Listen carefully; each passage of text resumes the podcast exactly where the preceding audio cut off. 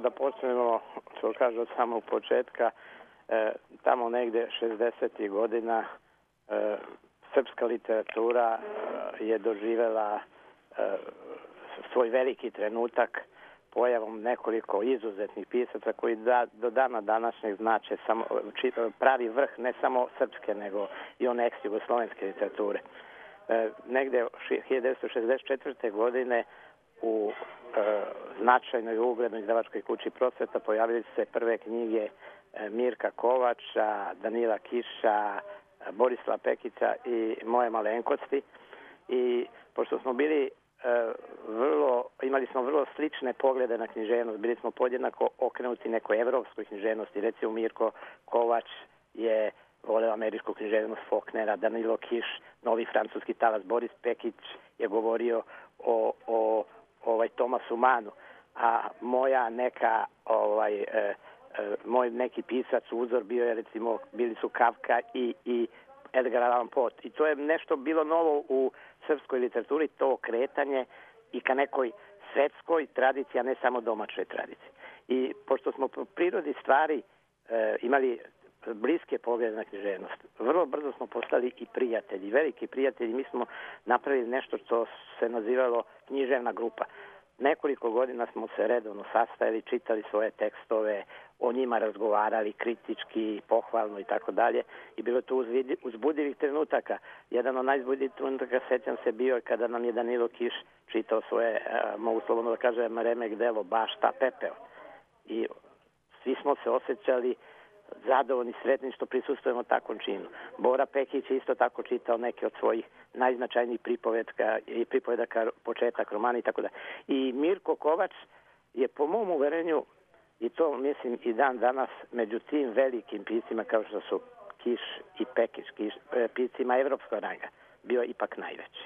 Zašto to kažem? Zato što je Mirko Kovač bio u najboljem smislu izvorni talent. Ono, pisac koji bilo čega da se dotakne, on pretvara u čisto književno zlato. Mirko Kovač je bio izvrstan pripovedač, jedan od najboljih koji su ovi prostori imali. Izvrstan romansijer, napisao neke od najznačajnijih romana. Bio je izvrstan eseista, sjajne se je pisao. I bio je vrsni filmski scenarista. I neki od sjajnih filmova, da vas podsjetim samo na male vojnike, Bate Čengića ili Kika Papić je snimio Lisice, E, e, Lordan Zafranović je snimio Pad Italije, Večernja, Zvona, e, Okupaciju 26 vika. To su sve scenariji po Mirkovim predložcima, a i sam je pisao scenarij. I meni je čast što sam u jednom delu tih poslova i sam učestvovao tako da mogu iz prve ruke kao dramaturg da svedočim o velikom talentu Mirka Kovača. Mirko Kovač pripada onoj generaciji pisaca koje svoje detinstvo proživjelo u drugom svetskom ratu. A svoje zrele godine, najzrelije, u raspadu Jugoslavije krvavim ratovima koji se vodili na ovim prostorima. I njegova reč je bila vrlo prisutna u, u prilikom raspada Jugoslavije, prilikom tog krvavog raspada, ali je sam osjećao bespomoćnost. To ne može e, da uradi više.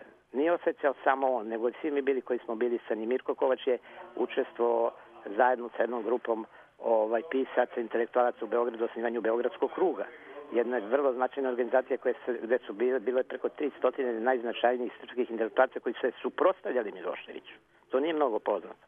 Mirko Kovač je početkom 90. godina zajedno sa Vidosom Stefanovićem, Žikom Pavlovićem, poznatim rediteljem finskim i, i piscem, učestvovao sam kao četvrti ja u osnivanju nezavisnih pisaca. I to je bio poslednji pokušaj da se na miru narodi koji su živeli u tadašnjoj Jugoslaviji dogovore ili kako će tu Jugoslaviju reorganizovati ili kako će se u miru razvići. Učestvovali su pisci sa Kosova, pisci Slovenije, pisci Bosna i Hercegovine, Srbije, Hrvatske, Crne Gore, svih delova ondašnje Jugoslavije. Nezavisni pisci su održali samo dve godine koliko je moglo da se komunicira. Posle toga je sve krenulo, znate kako, jednom velikom katastrofom, komunikacije su bile prekinute i dogodila se ta velika tragedija za mnoge ljude koji su živeli na prostorima bivše Jugoslavije. E, znamo to. E, ja, da vam kažem, ja sam zvao e, Pen klub e, Srbije mm -hmm. da dobijem vaš e, broj. Mm -hmm. Znao sam da ste se vi tada u 90-ima uh, etablirali svoju udruženje nezavisnih pisaca, a mislio sam da su se stvari izgladile, ali ovi, oni još uvek nimaju vaš broj. Znate o čemu se radi? Ja sam bio član PENA, bio je naravno i Mirko, bio je Kiš, bio je Pekić, svi smo mi bili članovi. E, nažalost, Pekić i Kiš su umrli pre nego što je došlo do, do događanja naroda, kako mi ovde govorimo, do tog velikog populizma i nacionalizma koji na kraju krajeva i srušio Jugoslaviju onako kakva je bila.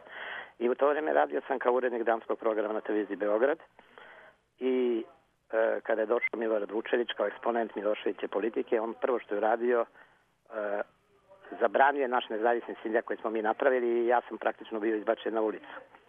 E, I povodom toga nije se oglasio PEN klub, a jedan od predsednika i podpredsednika PEN kluba se čak saglasio odlukom o e, izbacivanju svih e, protivnika režima Miloševića na ulicu.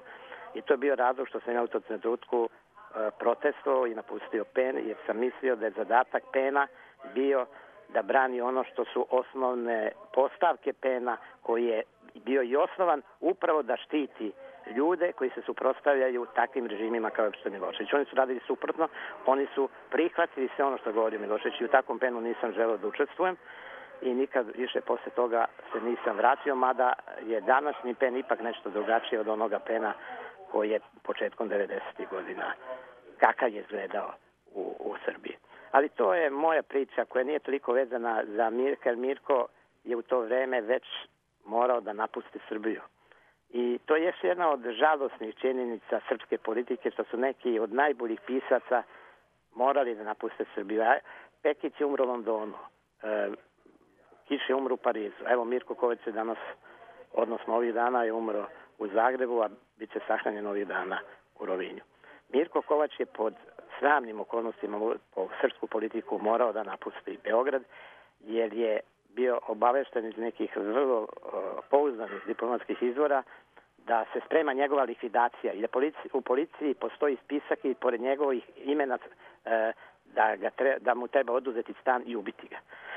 U to vreme upravo on je imao i nezgodu da je pogođen fotografskim aparatom i morao da ide hitno u bolnicu. Na jednom skupu su ga gađali šešeljovci fotoaparatom.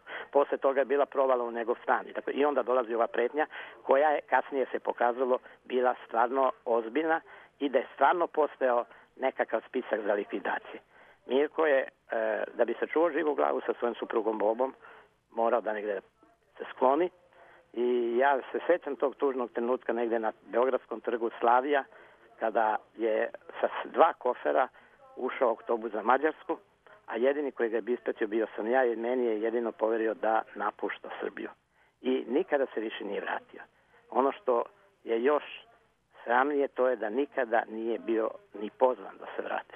I to mene kao pisca koji živi u Srbiji i koji se uz sve ono što mislim na razne oznake nacionalne ne znači ništa, jer sam ipak na kraju kreva srpski pisac, što mene čini ni boljim ni gorim naravno, ali osjećam stid i sram što je jedan od najvećih pisac ex Jugoslavije, pisac koji je podjednako i srpski kao što je i bosansko-hercegovački, i hrvatski, i crnogorski, što je morao na takav način da napusti Srbiju i da nikada ga niko više ne zove da se vrati. On se onda uh, otišao prema uh, Rovinju, a i tamo, i tamo je nastavio uh, sa protivljenjem uh, nacionalizma, ovaj put ne hrva, uh, srpskim, već hrvatskim preko pisanja kolumna za Feral Tribune. Da, vidite, tu se dogodilo nešto što je po meni ravno čudo. To je bilo vreme kad nije bilo Skype-a, nije bilo mailova, nije bilo kompjutera. Mirko i ja smo se redovno dopisivali i posle smo ustanovili da je svako naše pismo koje je išlo poštom stiglo na odretište. Nijedno jedino nije negde nestalo. Posle smo mi e, taj te godine od 992. do 995. rekonstruisali i prikazali kakve su bile u našoj zajedničkoj knjizi pisama 1992. 1995 gde se tačno može vidjeti kako je Mirko živeo u Rovinju. Ti prvi dani su za njega bili strašno teški, nije imao stan, nije imao čega da živi. Čitava njegova biblioteka je se nalazila u nekom podrumu, bila je nedostupna, on je kao pisac stalno žive u svojoj biblioteci i radio i pisao i uz pomoć svoje biblioteke. To je naravno sasvim normalno. Ali te godine su onda bile godine kada je on, kako piše u svojim pismima kojima je slao, a koje su objavljena, pomišljao čak i na samoubistvo. To su bile izuzetno teške godine. Ali Mirko Kovač je čovek bio izuzetne energije, čovek izuzetne inteligencije i kako sam rekao, izuzetno talenta.